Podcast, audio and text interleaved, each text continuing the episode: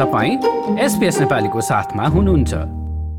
यसै हप्ता चाहिँ अमेरिकी उपमन्त्री अजरा जियाले चाहिँ नेपालको भ्रमण गरिरहेकी छिन् अनि उनी चाहिँ तिब्बती मामिला पनि हेर्ने गरेकी छिन्।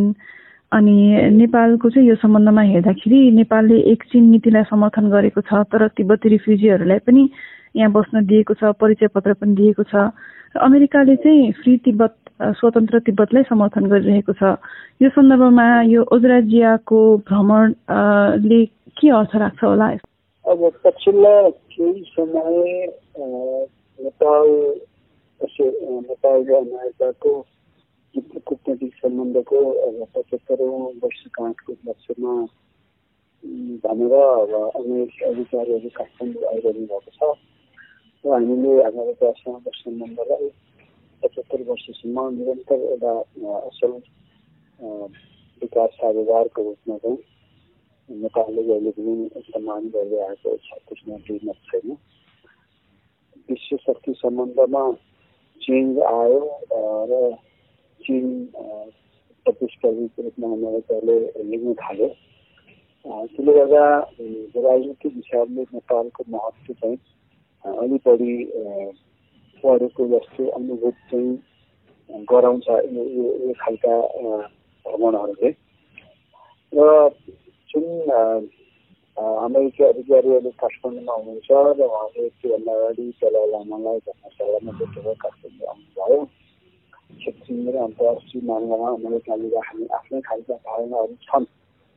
र नेपालले चाहिँ न त अमेरिकाको धारणालाई पाइ गर्न सक्छ न चिनको अथवा न कसैको। त्यसकारण उहाँले आएर आफ्नो चाहिँ राष्ट्रिय स्वार्थको राष्ट्र मामिलाका प्राथमिकताहरूको बारेमा क्रिकेटको कुरा अमेरिकाले उठाएको होइन भनौँ न अब बदलीको विश्व शक्ति सम्बन्ध र अमेरिकाको एग्रेसिभ अप्रोचमेन्टको कारणले मात्रै नेपालको एउटा एकछिन नीतिमा चाहिँ बदलाव ल्याउनेतर्फ सोचिहाल्छ भन्ने चाहिँ मलाई लाग्दैन। तपाईँले भन्नुभएको चाहिँ नेपाल एक चिन नीतिलाई नै समर्थन गरिरहन्छ भन्नुभयो। नेपाल चाहिँ नेपालको राष्ट्रिय सुरक्षा सबभन्दा ठुलो कुरा हो। र नेपालको नेसनल सेक्युरिटी भनेको चाहिँ नेपालको territorial integrity independence and sovereignty हो। uh, China is very important Nepalको लागि China are equally important. And then we'll uh, look after some other like global powers and all the friendly countries होइन हामी छिमेकीहरूसँग जुरेर धेरै समृद्धिको सपना निर्माण गर्न सक्दैन अनि भनेपछि यो जियाको भ्रमणको चाहिँ के अर्थ हुन्छ होला त नेपालको लागि? हुनसक्छ उहाँहरूको अब जुनसुकै मुलुकको पनि हामीले उहाँका कुरालाई सम्मान गर्छौँ।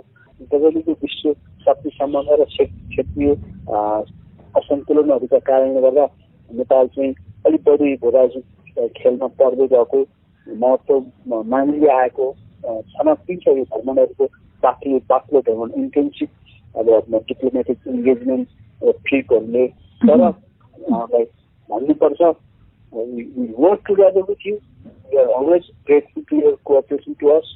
Uh, we can operate to like on in disenchant adverse uh, security impacts of both neighbors. कसैको एकदमै पक्षधरता देखाएर चाहिँ नेपाल जस्तो राजनीतिक स्थितिमा बसेको मिलेर चाहिँ गाह्रो हुन्छ भनेर राजनीतिक नेतृत्वले कुटनीतिक नेतृत्वले भन्दै आएको छ र भन्छ होला भन्ने मैले अपेक्षा गर्छु। यो बाक्लो कुटनीतिक भ्रमणहरूको बारेमा पनि तपाईँले भर्खरै उल्लेख गर्नुभयो। हामीले पछिल्ला महिनाहरूमा देख्यौँ एकजना सांसद क्रिस्टियन जिले ब्यान्डको नेतृत्वमा पनि आउनुभयो टेली केरलिङ पनि आउनुभयो डोनाल्ड लु पनि आउनुभयो। यो सबैको कारण चाहिँ नेपालको चिनसँगको निकटता नै हो भन्नुभयो। तपाईँले कि अथवा अरू कुनै स्वार्थ छ अमेरिकाको निकटता नेपाल र चिनको सम्बन्ध अनादिकालदेखि नै उस्तै छ र कुटनीतिक सम्बन्ध स्थापित भएदेखि नै समस्या रहेछ त्यसकारण अमेरिकासँगको सम्बन्ध पनि हाम्रो त्यस्तै नै हो। र चिन छिमेकमा छ अमेरिकाले टाढा छ त्यस कारणले कहिलेकाहीँ चिनसँग चाहिँ अलिक बढी हामी जोडिनु पर्ने हुनसक्छ। अमेरिकन इन्गेजमेन्ट चाहिँ इन्टेन्सिभ हुँदै गएको कारण चाहिँ changing global power relation. China is coming up very powerful. Unlike when America used to consider China as not that much uh, her competitor.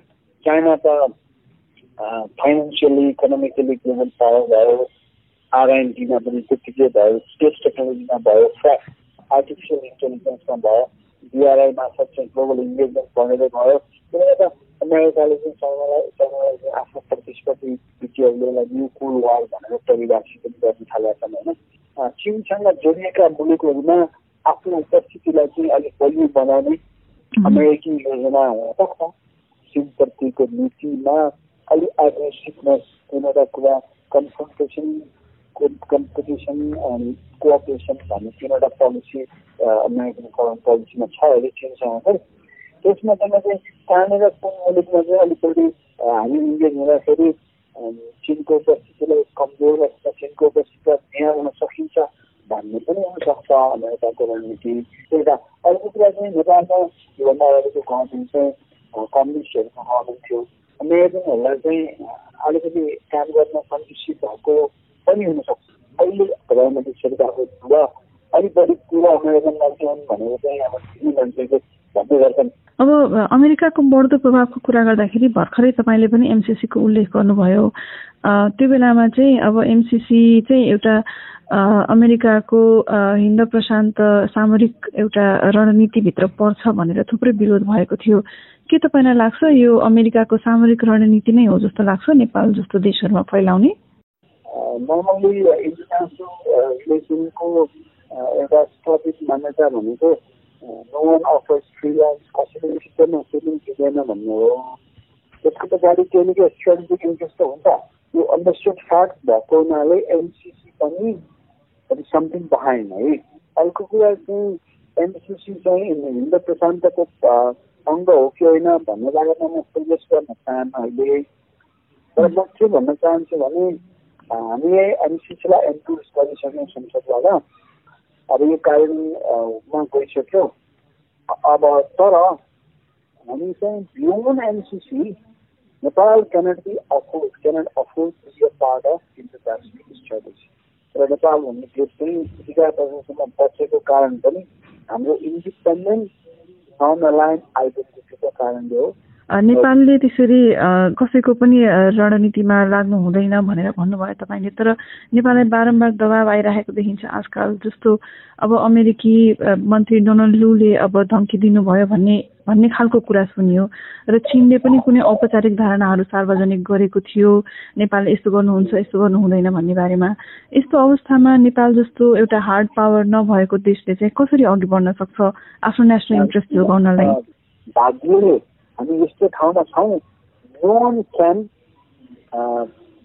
ignore underestimate Nepal independence अमेरिकाले चाहेर नेपालमा नेपालको राष्ट्रिय स्वाधीनतालाई एक दिन तलमाथि गर्न सक्दैन छिन्नु पनि सक्दैन अनि गराउन सक्दैन किनभने we are located in such a studies यो studies location where all like global power can can be like uh, visualized here.